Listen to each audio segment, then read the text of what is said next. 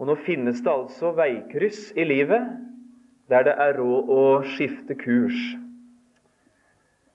Veikrysset heter i, i alle, alle sammenhenger Jesus. Det er bare altså Jesus som evner å føre et menneske fra den vei som er bred, over til den vei som er lys, veien eh, imot livet. Og Nå har vi det ønsket at uka vår her, også møtet i kveld, kunne ha den virkning at det ga oss lyst å gå skrittene videre på denne fine, lyse veien Jesus.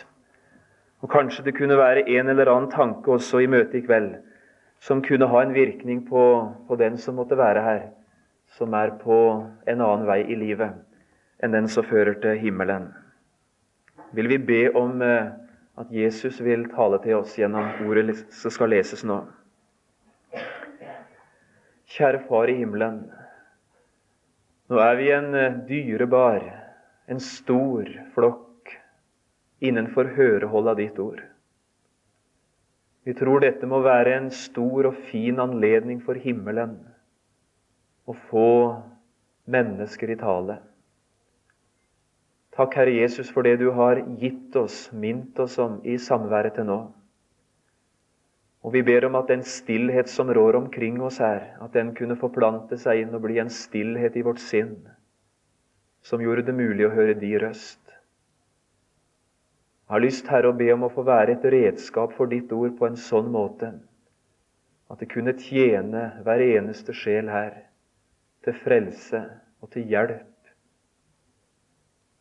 Gi oss nå ei nådestund, vår Jesus. La ditt livsens ord til hjarta gå. Amen. Ja, vi har et tema for bibeluka vår. Jakobs Gud. Det er ikke så mange setningene Jakob er unt i Hebreerbrevet 11. Det er vel egentlig bare to setninger, men vi leser de. Hebreerbrevet 11 og vers 21. Ved tro velsignet den døende Jakob hver av Josefs sønner og han tilba, bøyd over knappen på sin stav. Her i den høyre hånda mi så har jeg ei dansk bok. Inni denne boka så står det fjerde opplag 1946. Og Det betyr at den altså er kommet ut i Danmark i tre opplag før denne fjerde. Om den er trykt opp seinere, aner jeg ikke. Denne boka er skrevet av en som heter Ernst Modderson. Og den har tittelen 'Løst fra jeget'. Det har jeg ikke lyst til å si noe mer om. Men under tittelen så står det en sånn undertittel. Hvorledes Gud gjør en Jakob til en Israel. Og det har jeg lyst til å tale om. Hvorledes Gud gjør en Jakob til en Israel. Nå må du gjerne lese den boka hvis du kan få fatt i den. Men du må ikke la være å gå på bibeltimene mine, for jeg preker altså ikke den boka. Du finner knapt en tanke eh, av det jeg kommer til å si i den boka. Så det er tittelen så jeg har lyst til å si noe godt om først og fremst. Hvorledes Gud gjør en Jakob. Hvem var Jakob? Ja, Navnet Jakob betyr 'den listige'. Og Det sier noe om hva slags materiale Gud har begynt å arbeide med. Det er ikke rare greiene. Det er råttent stoff. Den listige. Og så kommer den levende Gud oss i møte gjennom denne uka og sier Jeg er ekspert på å ta meg av råttent stoff. Og jeg har lyst, om jeg får frie hender og tid, til å gjøre noe vidunderlig ut av det som i utgangspunktet er råttent stoff. Gud evner å gjøre en Jakob, en kjeltring, en med natur som er nøyaktig lik min natur, til en Israel. Israel betyr den som har kjempet med Gud. Og om han som kjempet med Gud, som altså het Jakob etter sin natur, så står det at han vant. Han vant ved å kapitulere i forholdet til Herren og be om nåde. Det er sitat fra Hosea. Vi skal komme tilbake til det en annen kveld. Jeg har lyst til å si til mennesker lagd av råttent stoff har Herren det å si jeg evner, om jeg får frie hender i livet ditt, å gjøre noe himmelsk, noe nytt og noe annerledes ut av ditt liv. Men du skal gi meg frie hender. Du skal kapitulere. Og så skal du be den levende Gud om ufortjent behandling, om nåde. Her i det bibelordet som vi leste fra Hebreerbrevet 11, så sies det i enkle og tydelige ord at Gud hadde en dobbel hensikt med Jakob. Og denne dobbelte hensikt som han har altså med å begynne å handle med Jakob, det er identisk med den hensikt som han har med hver eneste en av oss. For det første ved tro velsignet den døende Jakob hver av Josefs sønner. Den døende Jakob er 147 år gammel og har i store deler av livet sitt, iallfall første delene, vært en kjeltring og langt noe annet enn en velsignelse for sine. Og her ser vi den troende Jakob, den døende Jakob, være forvandlet og blitt til en velsignelse for sine egne. Å, men jeg har et ønske, Gud, om det gjennom mitt liv kunne tilflyte andre mennesker noe fra deg. Om jeg kunne være et reint rør, en kanal, som på enkelt, ekte og ærlig vis kunne få gi til noen av mine det jeg sjøl har mottatt av deg. Herren vil gjøre en Jakob til en velsignelse. Det er et herlig mål. Tenk vi har med en Gud å gjøre som evner å gjøre en kjeltring om til en velsignelse. Og han tilba, bøyd over knappen på sin stav. Det er den andre hensikt. Han ville gjøre kjeltringen til en tilbeder. Vet du hvem Jakob var? Han var en som tilba seg selv, sin egen vilje og sine egne behov konsekvent gjennom de første delene av livet sitt. Hans alter het ego. Han var født, oppvokst og polert til egoist. Men egoisten blir forvandlet til en tilbeder. Jesus meg selv jeg deg bringer, legger meg ned for din fot, at du meg evig skal eie, jeg er jo kjøpt med ditt blod. Det er et annet alter. Det er Guds alter.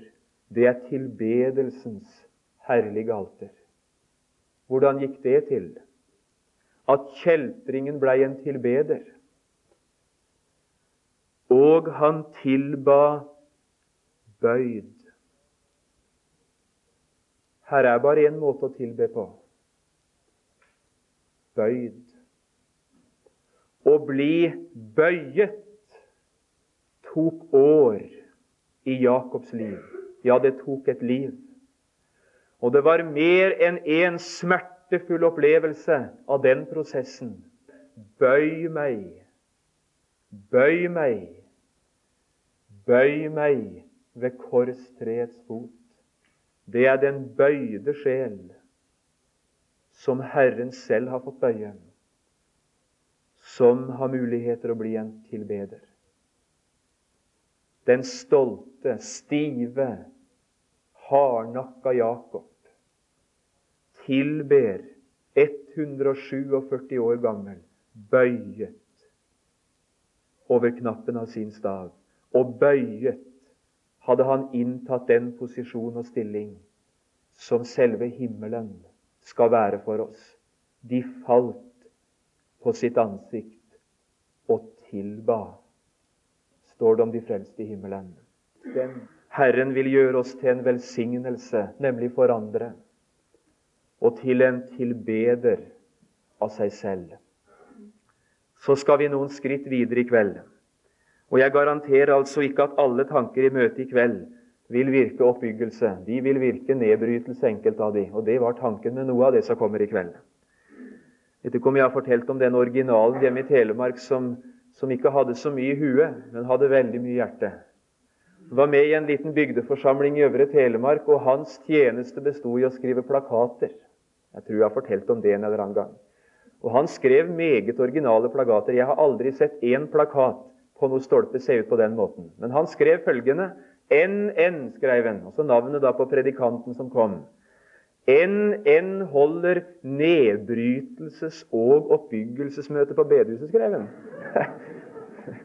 Ja, jeg skal lure meg på om ikke vi iblant trenger altså nedbrytelses- og oppbyggelsesmøte. Ikke nedbrytelse for nedbrytelsens skyld, men nedbrytelse av noe som kunne gi rom for skikkelig oppbyggelse. Det var sannelig altså et saneringsarbeid som Herren hadde å gjøre i Jakobs liv. Og du sa et nyfrelst menneske som syns det kan røyne på i livet ditt med Jesus. Det er ikke spøk når, når Herren altså raserer ting i livet. Og når Han setter lys på områder i livet og sier 'sånn er det', det hadde du ikke tenkt før du ble frelst. Og det så du ikke de første ukene du, du bekjente Jesu navn, at det var sånn det så ut på det området i livet. Og så satte han lys på det, og du ble så forskrekka. Du hadde aldri drømt om det. Og du fikk til og med den tanken altså, jeg skal lure meg på om det er frelse for meg som ser sånn ut. Du kan skjønne og begripe at det er frelse for deg. Hvem skulle det være frelse for, om ikke for sånne som trenger hjelp utenfra? Altså, Herren har av og til behov for det å sanere og bryte ned og legge grus et og annet av dette stive, armerte greiene som vi har prøvd å få til gjennom et langt og, og til dels hardt liv. Og nedbrytelse kan av og til være fine forutsetninger for oppbyggelse. Nå har jeg altså lyst til å røpe hele nøkkelen for resten av bibel, bibeluka. Får du med det her, så veit du hva du har i, i samtlige samvær etterpå å vente på. Og han tilba, bøyd over knappen på sin stav. Jeg har mine tvil om at jeg skal få se Jakobs stav i himmelen. Men kanskje har Gud en overraskelse på lur. Jeg vet ikke. Jeg skulle iallfall ønske jeg fikk se den.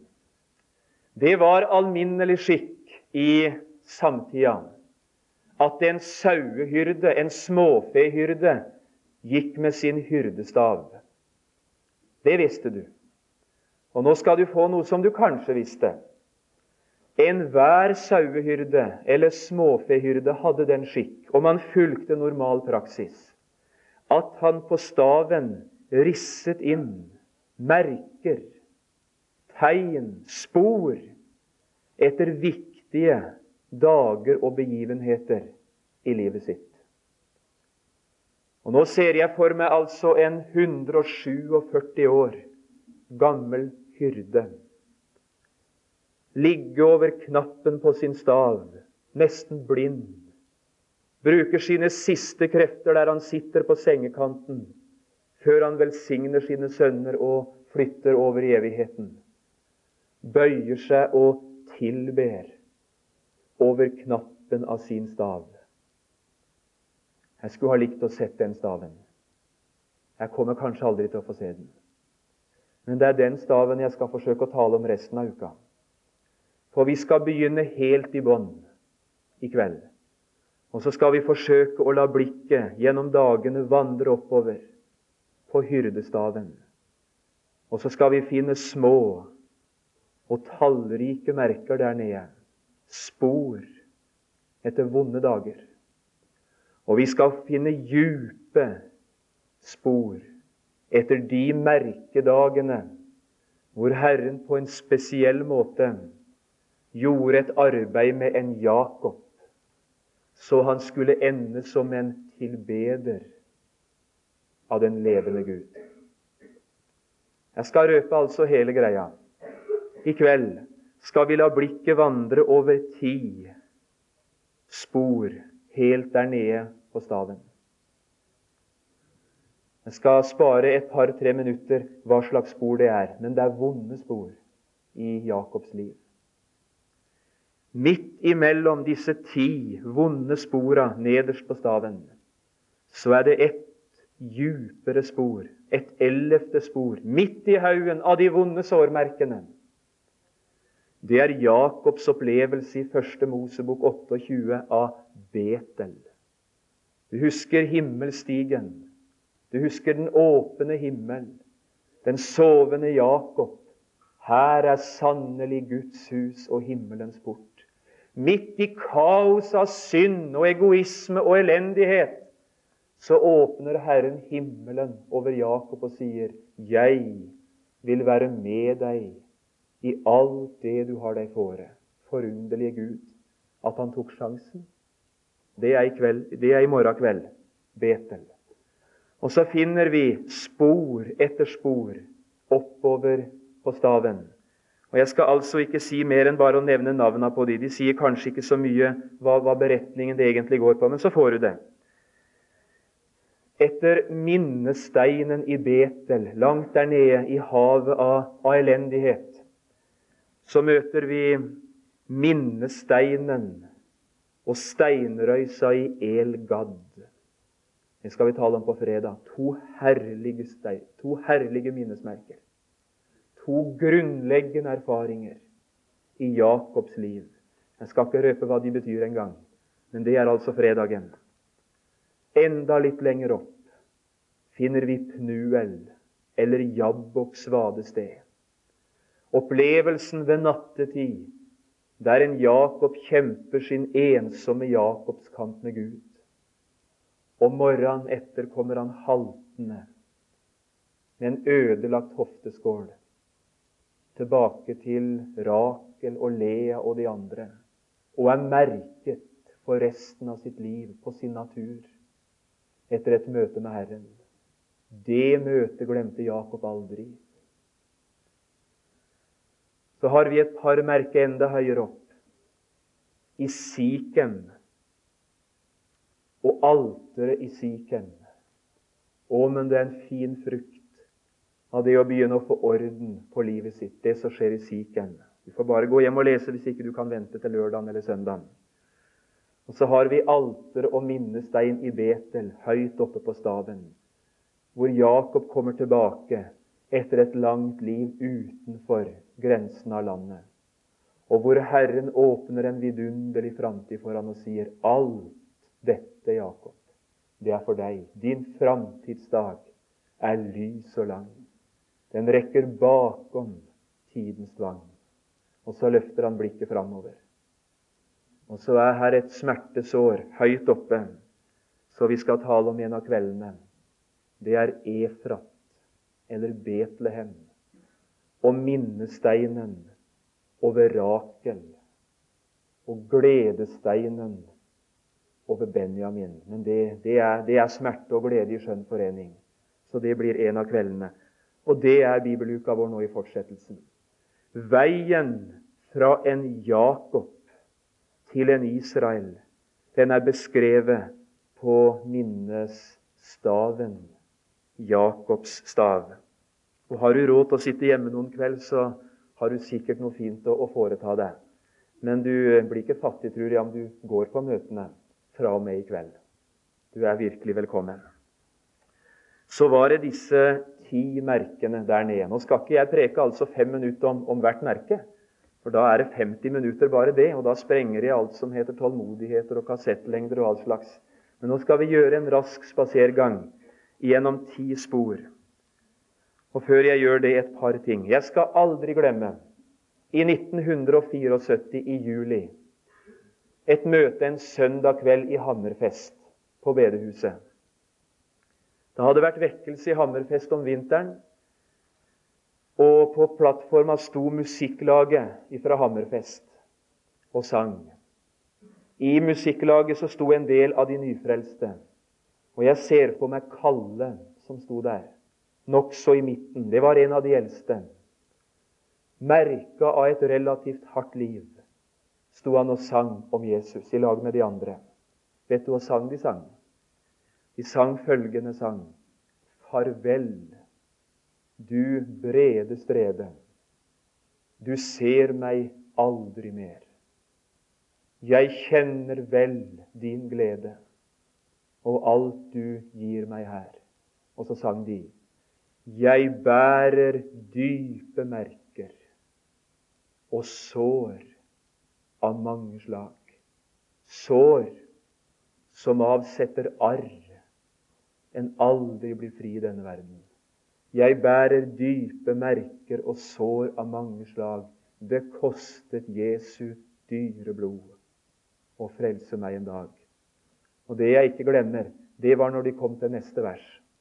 Da gjorde Kalle sånn, og så sa han Farvel, da gamle venner. Det er noe av det som er vanskelig å takle for den som er nyfrelst. De er gamle venner. Er det noen som er trofast i denne verden, så er det de gamle vennene. De stiller opp straks det er en mulighet. Farvel, da, gamle venner.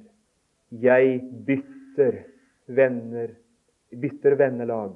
En annen venn jeg kjenner, som gjester meg hver dag. Og så sang Kallen, og så vinka han, nesten bokstavelig, til et liv på de brede strede.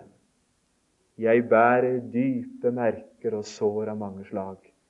Og var det sant om Kalle i Hammerfest, så er det sant om Jakob, tilbederen her i Første Mosebok.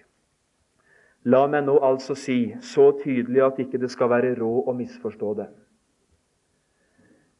Det jeg nå sier, det er ikke ikke beskrivelsen av et menneske som lever utenfor samfunnet med Gud.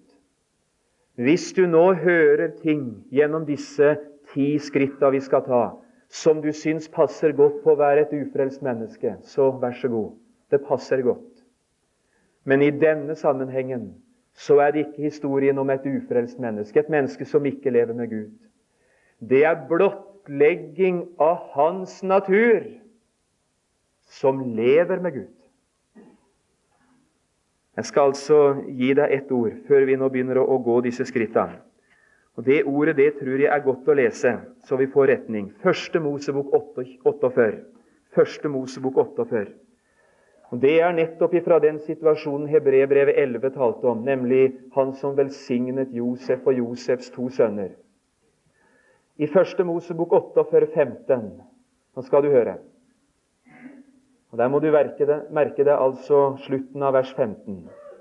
Så velsignet han, altså Jakob, Josef, og sa:" Den Gud som var Abrahams og Isaks Gud, for hans åsyn vandret de Hør nå.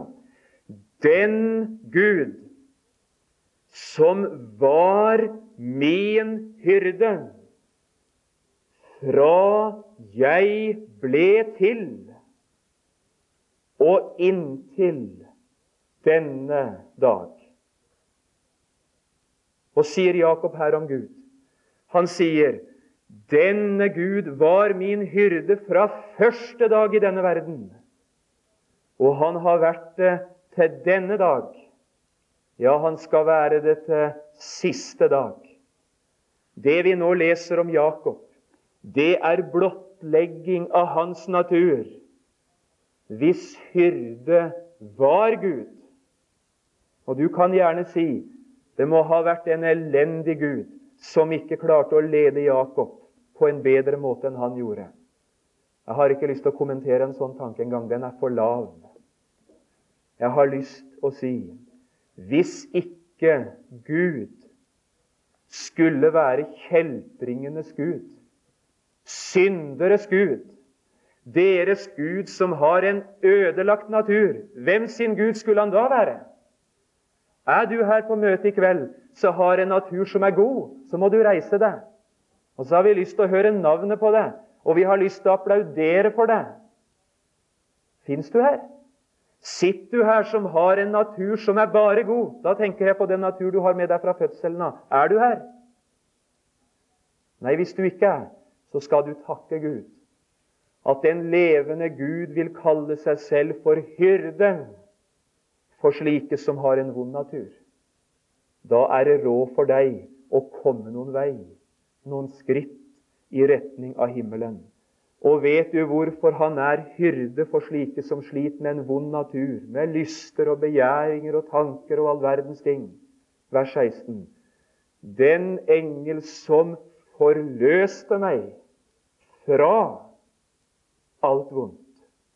I 147 år vandret Gud i lag med Jakob, i nærkontakt med elendighet mer enn én en gang, og ga Jakob lærdommer av hva han selv var, så han ikke skulle glemme for resten av livet.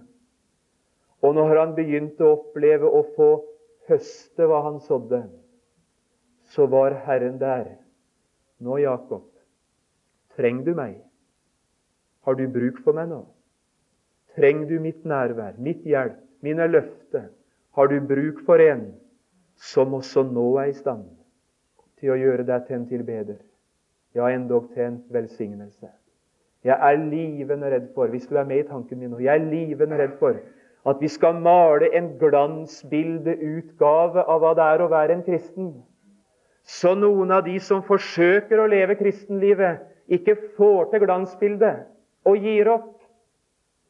Fordi de sliter med mørke krefter og vonde ting i livet som de kanskje til og med ikke tør å snakke med noen om. Da har jeg lyst til å si? Det mennesket som vil ha med Jesus å gjøre, og du vil vel det? Det mennesket har fått en hyrde i sitt liv som vil lede og være der og bevare og styrke og føde og hjelpe og ta hånd om om naturen er pil råtten og de menneskene Herren skal fylle himmelen med, vet du hvem det er? Det er kjeltringnaturen, som han fikk frie hender med, og fikk gi noe godt utenfra. Han forløste meg fra alt ondt. Er ikke det du ber i Fader vår hver gang du ber det, da? Frels oss fra det onde. Så var det skritta. Og De skritta skal vi altså ta nokså raskt. Vi skal ikke springe, for da går vi glipp av alt. Vi skal ikke jogge engang, sjøl om det altså er populært nå for tida. Nå skal vi spasere rolig. Nå må vi tilbake til starten. Første Mosebok 25, og så spaserer vi i vei. Og Du som har klisterhjerne og ikke har med deg Bibel, du, du klarer vel å huske det? Og du som syns det var mer enn du klarte å huske, du får ta med deg Bibel i morgen, da iallfall. Så kanskje det sitter enda bedre. Det var ikke flåsete sagt, men det var et forsøk på å si ta med deg Bibel, for det trenger du på ei bibeluke. Hvordan begynner det med Jakob? Vers 26 i kapittel 25. Det er fra ei fødestue. Og det er altså ei mor som føder et tvillingpar. Og hun er altså bekymra, for det ser ut til at hele fødselen skal gå galt. Men så får hun beskjed om at det er to stykker, og det er i noen grad en komplisert fødsel. Og eh, vers 25 da først. Den første som kom fram, var rød og lodden som en kappe over hele kroppen. Og de kalte han Esau. Og så kommer det. Deretter kom hans bror fram. Hans hånd holdt fast i Esaus hæl, og de kalte han Jakob. Og Jakob betyr altså 'den som holder i hælen'. Nå har jeg lyst til å spørre hvor kommer den vonde Jakobs-naturen fra? Er det noe som påføres han utenfra når han blir så gammel at han kan stå samvittighetsansvarlig for sine egne gjerninger? Er det da han blir en synder? Er det sant det de prøver å innbille oss, at et menneske er reint ifra fødselen og skyldfri helt fram til de blir så gamle at de kan stå personlig ansvar for, for, for, det de gjør? Er det sant at synden er en makt som påfører oss oss utenfra, og som regnes oss altså til et problem fra vi bevisst kan stå ansvarlig for den? Er det sånn det er? Jeg skal fortelle deg det vonde i Jakobs liv, det hadde han med seg fra fødselen av. Og nå har jeg altså fem barn. Og hver eneste en av ungene mine de preker til meg. Er det noe som er sant om han John Hardangs unger, iallfall, så er det at de er noen store egoister fra starten. De tror at hele verden er til for dem, og vi har å stille opp når det skal være melk og bleier og all slags. De er sentrum i tilværelsen. Det er, det er, altså, det er, det er, er karaktertrekket helt ifra begynnelsen. Hør nå. Den vonde natur har en Jakob og en John Hardang og du med deg helt ifra fødselen av. Det er skritt én. Det er ikke spøk å bli kvitt det som sitter i naturen min fra fødselen av. Så spaserer vi altså neste vers. Da guttene vokste opp Sett et ett-tall hvis du vil, altså, utfor vers 26. Da guttene vokste opp, ble Esau en dyktig jeger, en mann som levde ute i marken. Han var friluftsmenneske i denne familien. Men Jakob var en stillferdig mann som holdt seg ved teltene. Og hør nå skal du altså få en nydelig skildring av foreldre. Jeg vet ikke om det er sånt i ditt hjem. Isak holdt mest av Esau, for han likte vilt. Men Rebekka holdt mest av Jakob. Hvor hadde de den vonde naturen fra, både Esau og Jakob? De hadde arvet den fra fedrene. Jeg vet ikke om det er sånn du og, og ektefellen din praktiserer i, i hjemmet, at dere favoriserer hver deres unge. Du kan bare prøve på det å reindyrke favoriseringa, så skal du se, se hvor mye harmonisk det blir. Isak holdt mest av Esau. Hvorfor det, da?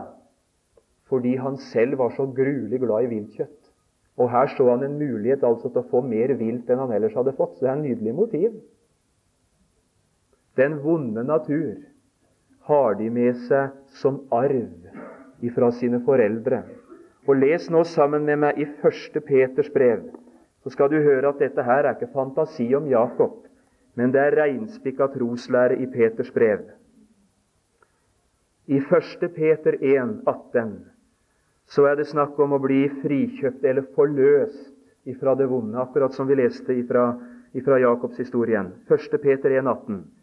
For dere vet at det ikke var med forgjengelige ting, med sølv eller gull, dere ble kjøpt fri. Hva ble vi kjøpt fri fra? Den dårlige ferd som var arvet fra fedrene. Det er arven min. Det er Adamsarven.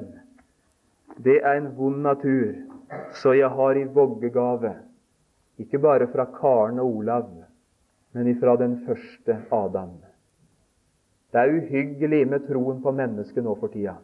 Du trenger ikke være medlem i Human-Etisk Forbund altså for å ha ubegrensa tro på mennesket og si at mennesket er godt på bånd. Det bekjenner de altså i store deler av folket vårt. Og du blir altså så uglesett hvis du sier at et menneske er pil råttent ifølge sin natur. Det er altså ikke stoff i oss til godt. Da blir du altså satt helt utafor sidelinja. Det sier Bibelen er sannhet. Det er skritt to.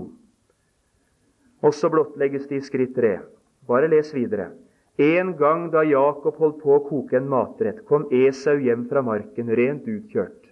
Ikke spøk å gå mange timer ute i, i, i marka på jakt. Og Esau sa til Jakob, vær så snill, la meg få sette noe til livs av dette røde, det røde du har der, for jeg er rent utkjørt. Derfor kalte de ham Edom. Og hør nå, tre. Da sa Jakob, kjeltringen, egoisten, nå er det begynt å bli fullmoden blomst, det han hadde med seg fra naturen. Selg meg da i dag din førstefødselsrett. Her så han mulighet for skåring. Kjempesjanse.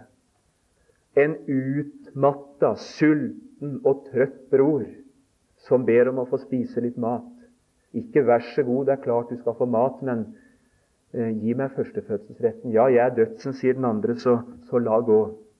Vet du hva dette er?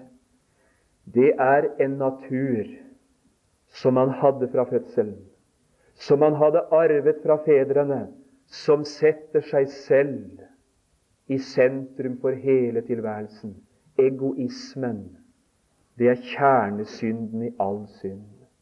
Du skal bli som Gud, sa slangen til Adam, hvis du eter av det treet. Og Adam ønsket gjerne å bli stor. Han tok og åt og falt og tapte på hjemmebane. Da har du de tre første skritta. Det fjerde. Da er vi ute i kapittel 27. Nå har mor i huset hørt at Isak vil velsigne den førstefødte. Han har sendt Esau ut på jakt for å finne altså noe som kan bli til en velsmakende rett. Hun har lytta ved døra, svigerdattera. Og så sier hun til Jakob nå er altså timene verdifulle. Skaff deg altså et dyr med en gang, og så skal jeg lage til en matrett akkurat som far din er glad i. Jeg vet godt hva han liker. Så godt kjenner jeg ham. Men du har dårlig tid, så du må kjappe på. Vers 11. Men Jakob sa til Rebekka sin mor Esau, min bror, er jo en lodden mann, og jeg er glatt. Kanskje min far ville føle på meg så tror han at jeg vil holde ham for narr. Og så kommer jeg til å føre en forbannelse over meg og ikke en velsignelse. Og er denne karen redd for? Han er ikke redd for synden, men han er redd for å bli oppdaga. Han er ikke redd for å kjøre over 80, men han er redd for radarkontroll. Han er ikke redd for å handle i strid med det han vet er riktig, men han er redd noen skal se ham. Jeg har lyst til å spørre kjenner du deg igjen i det? Altså frykten når vi ligger i 90 der vi skulle ligge i 80. Det er ikke at vi ligger i 90 og ikke i 80, men det er tenk om det skulle være en radar her. Altså, Vår natur er av en sånn karakter at vi er ikke redd for det vonde hvis vi bare ikke blir oppdaga. Nydelig natur. 5. Vers 41 i samme kapittelet. Han stjal velsignelsen av sin far. Esau la Jakob for hat på grunn av den velsignelsen som hans far hadde velsignet han med. Han som i egoisme hadde villet dekke sine egne behov fremfor andres. Han som ikke fryktet synden og gikk inn i den med åpne øyne, bare han ikke ble oppdaget. Han opplever den første bitre frukt. Forholdet til andre mennesker går i stykker. Vi kunne tatt 100 eksempler. Og hvor mange hjem i Norge som har gått i oppløsning.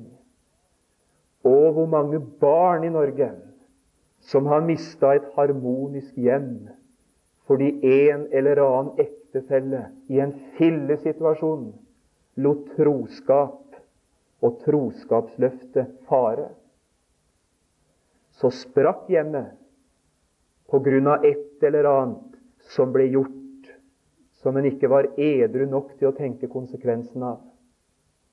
Og så måtte andre bære, i konflikten som oppsto, de bitre fruktene av selvnytelsens forferdelige synd.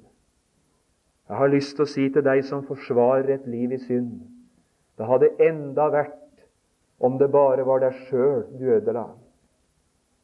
Men du skulle ha ant hvor mange mennesker som er avhengig av ditt liv og av deg. Gud hjelpe oss å få åpna vinduene i livet vårt, så vi ser konsekvenser av våre handlinger og våre manglende handlinger. Synd, naturen, ødelegger alltid harmoniske forhold. Det går alltid noe i stykker i forhold mellom mennesker. Det er synd får florere. Og så fortsetter det. Nå er det 6, vers 43. Nå er det ikke mer enn én ting å gjøre. Når Esau legger Jakob for hat og sier 'straks min far er død', så skal døden altså ramme en til i den familien. Jeg vil slå min bror i hjel så sier eh, Rebekka, mora, til den yngste sønnen, Nå, min sønn, lyd mitt ord. Bryt opp og flykt til Laban, min bror. Og så er han hjemløs. Og så er han flyktning. Og så mister han det trygge punkt i livet.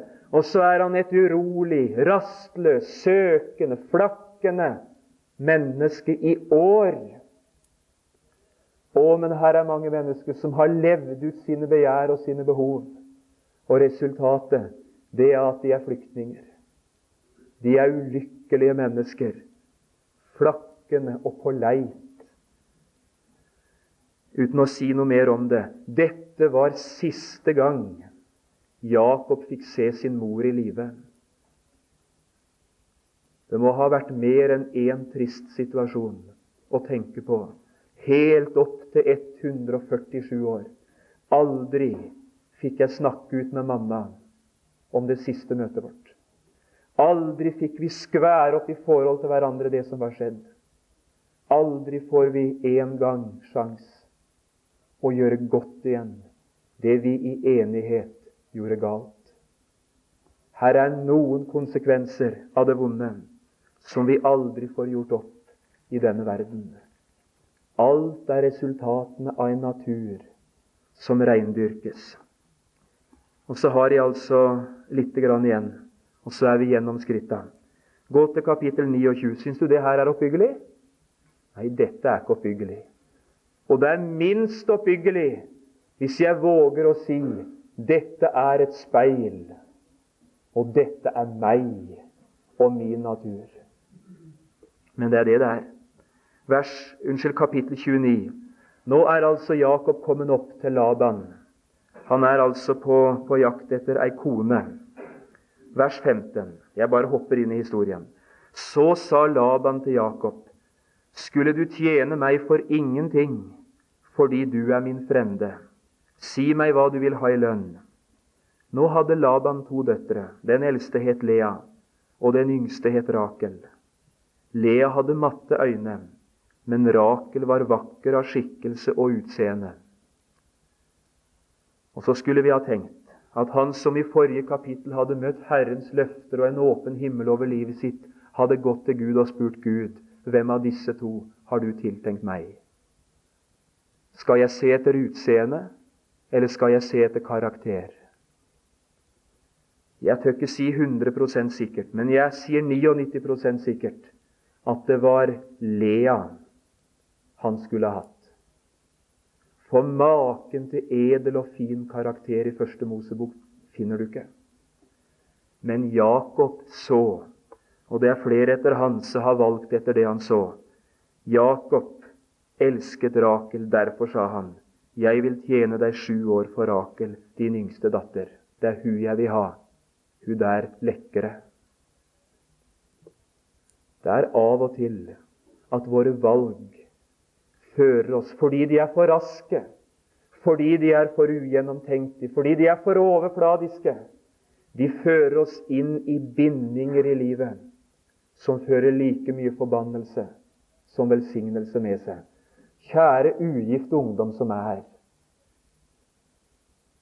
Hva tenker du på? Hva, hva begrunner du det med? At du er glad i akkurat den du er glad i. At dere to har følge. Hva er det som knytter dere sammen? Tenker dere noen gang igjennom hvorfor akkurat oss to?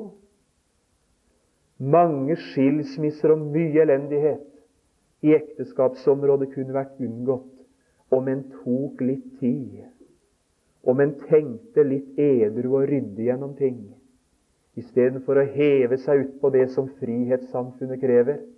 Og så sitter en der i en situasjon en kanskje aldri skulle ha sittet i. Vi har gjort én stor synd i mange kristne sammenhenger, og det sier jeg rett ut fra talerstolen. Vi har sagt at to mennesker som er sammen slik at jenta blir gravid, de må gifte seg. Og det har ført mer elendighet inn i en del unge menneskers liv enn vi har vært klar over. Er det eneste årsak til at to mennesker skulle, skulle måtte gifte seg? at de nå er altså sammen om å, å, å, å ha, opplevd en sånn graviditet? Er det det? Er det grunnlag nok, kanskje i en løs situasjon, å si til disse menneskene nå må dere gifte dere og være sammen resten av livet? Jeg skulle ønske vi våget å være så edru at vi av og til sa nå må du bære fram dette barnet, og vi skal forsøke å hjelpe til så godt vi kan. Men dette er ikke grunnlag for et ekteskap. Det skulle vi òg våge å si. Men det har vi av og til ikke tørt å si. Fordi vi kanskje ikke har gjennomtenkt er ekteskap alltid den riktige løsningen. Jeg våger å si det var ikke alltid den riktige løsningen. Men det får bare altså være som det er. Og så blir han bedratt, kjeltringen. Slik at når han våkner etter bryllupsnatta, så oppdager han at det er feil dame. Rett og slett. Spør ikke meg åssen det går til. Hva er det du har gjort? Ja, altså, ikke tenk noe mer ekkelt om det der. Men det er det han oppdager. Kjeltringen er blitt lurt av en kjeltring. Bedrageren er bedradd. Og så fikk han sju år til og Så kan du jo lese denne historien gjennom om flerkoneriets velsignelse hvis du har tenkt å bli mormoner. Ikke spør meg om forklaringen på flerkoneri i Bibelen, for det kan ikke jeg gi. Jeg forstår ikke flerkoneriet. Jeg er iallfall Gud takknemlig at det er ordna slik at det skal være én og én av hvert kjønn. Og så får vi prøve å komme ut av det hverandre på en god måte, og så kan det bli noe herlig. Stakkars Salomo. Ja, det er, det er ikke flåsete sagt, men et forsøk på å si vær tro i, i det som Gud har ordna med. Og så slutter jeg sånn. Hvordan skal Jakob, som i åtte trinn ha havna i livssituasjoner som har tatt fra ham samvittigheten og karakteren og mora og hjemmet og harmonien Hvordan skal Herren ta seg av Jakob? og gjøre han til en Israel. Av de to siste sporene er løfterike. Først kapittel 31 og vers 3. Så er det i mål omtrent. Herren sa til Jakob, vend tilbake. Fortsetter du på denne veien, så går det gærent med deg. Evig gærent. Vend tilbake. Og så begynner Jakob skritt for skritt å gå veien tilbake. Og nå kan du, hvis du vil ha et bibelstudium, bare prøv å legge merke til hvordan Jakob, som har sådd korn for korn, på veien tilbake må begynne å høste. Vend tilbake. Det kommer over med alt sammen, sier han. Og skritt 10 vers 26 og 27 og 28. Det leser jeg ikke. Men her møter han Laban. Og så begynner han på det ene som kan reparere et ødelagt liv og en ødelagt karakter. Han begynner å gjøre opp for seg. Han begynner på veien tilbake, på omvendelsesveien, å gjøre opp. Bedre preken på ligningskontoret enn utdeling av traktater om Jesus. Det er når et menneske kommer til ligningssjefen og sier Jeg er blitt frelst jeg i løpet av det siste året. Og jeg har et oppgjør å gjøre her på ligningskontoret med de siste tre-fire sjølmeldingene mine. For det står på ære og samvittighet, men det er æreløst og samvittighetsløst noe av det som står der. Nå har jeg lyst til å gjøre opp for meg. Bedre virkning enn Jesus-traktat gjør slike oppgjør. Og det skal være Jakobs løfterike vei tilbake. Oppgjørets vei. Først og fremst møte med oppgjørets Gud. Hvem har jeg talt om nå? Jeg har ikke talt om det ufrelste mennesket først og fremst. Det kunne ha vært brukt om han. Men jeg har talt om blottleggelse av deres natur, som Herren vil være hyrde for. Og nå har jeg lyst til å spørre syns du han var et glansbilde, Jakob? Syns du han stelte seg fin i livet? Og så har jeg lyst til å spørre etterpå Syns du du sjøl er et glansbilde? Hvem er verst av deg og Jakob? Er det håp for Jakob, folk, så er det håp for oss. Lovet være Jakobs Gud. Og nå skal møtet i morgen kveld bli en herlig skildring av en åpen himmel over flyktningen Jakob. Og det trengte han sannelig å få se. Far i himmelen. Vi har lyst til å takke for tankene du lukker oss inn i dette ordet. Vi ber om hjelp, Herre, og om ærlighet til å våge å se i øynene hvem vi selv er. Og våg, Herre, å tale til oss om den åpne himmel midt i vår elendighet. Vi trengs å høre at du er deres hyrde og Gud, som ikke har stelt seg slik de skulle. Takk at du er Jakobs Gud. Amen.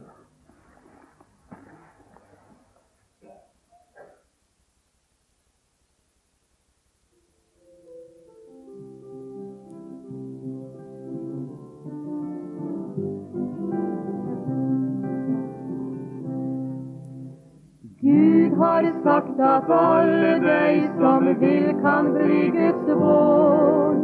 Alle dei som tek imot den levande Guds ånd. Og han leitar trufast etter lammet som kom bort. Leitar, lokkar, kallar, tenk hvor stor. Mange trur at Jesus vil ta gleda fra vår ferd trur at gleda bare fins der Jesus ikke er. Men den rette, sanne gleda finner vi nettopp nå. Frelst og fri vi i Guds nåde står. Alle dei som svarer, Herre, eg vil være din får i lønn hans ande som gir fred i sjel og sinn. Og til alle deg som høyrde kallet mens han øy, høgt han ropar, kjære barn, komme heim. Mange trur at Jesus vil ta gleda fra vår ferd. Trur at gleda bare fins der Jesus ikke er. Men den rette, sanne gleda finner vi nettopp nå. Frelst og fri vi i Guds nåde står. Han gir trøyst til alle deg han i sin kjærleik fann. Ingenting i verda skal det griva ord med han. Eg er vegen, sanninga, og livet har han sagt. Og hans trygge ord står enn ved makt. Trur at Jesus vil ta gleda fra vår ferd. Trur at gleda bare fins der Jesus ikke er. Men den rette, sanne gleda finner vi nettopp nå frelst og fri vi i Guds nåde står. Ikke dere være med på koret på denne sangen? Vi har sunget den en gang i sammen tidligere. Kanskje vi prøver oss på det siste verset, og så drar vi i koret en par ganger. Og så synger vi innbydelsestonen skikkelig eh, sammen i kveld.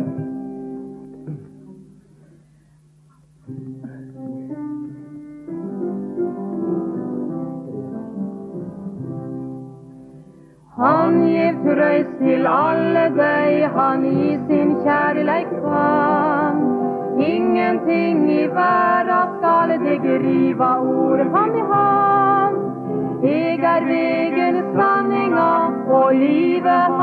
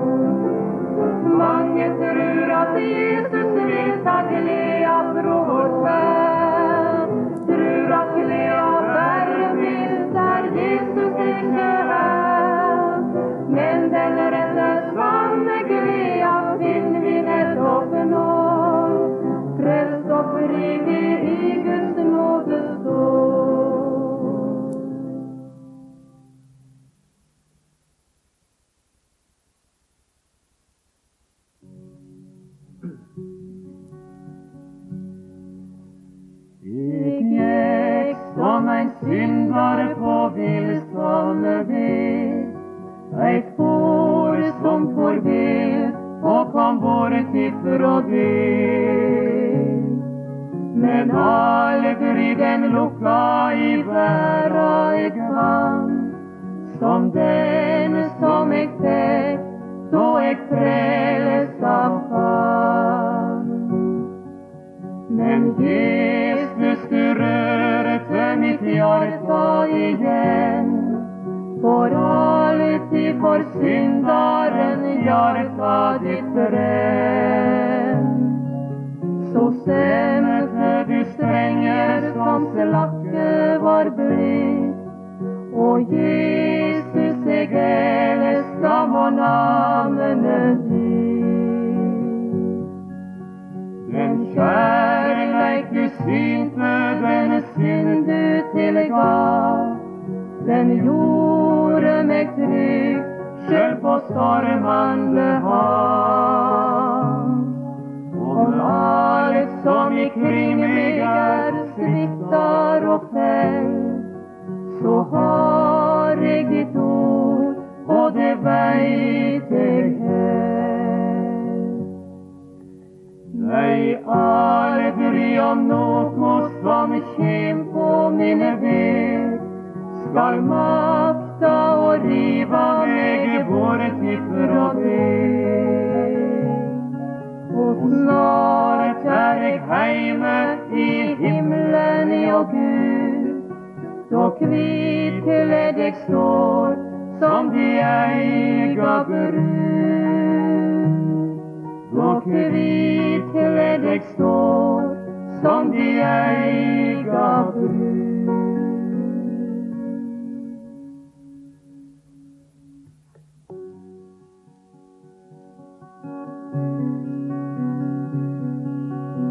Kan du ikke frelse all verda fra synder og sorg og meg? Så prøv om du maktar å hjelpe, og berge om bære ei.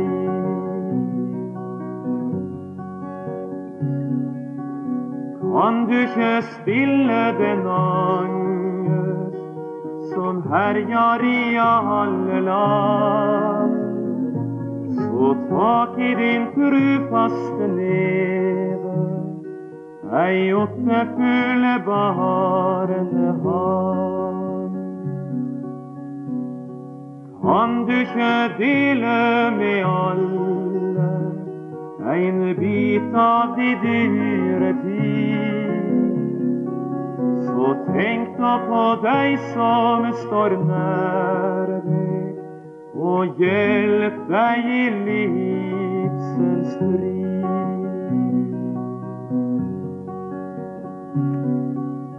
Og får du ikke krans om de panne, eller ros når du ligger i grav, så vit at vår Herre vil minnes den skjerv du i kjærleik gav.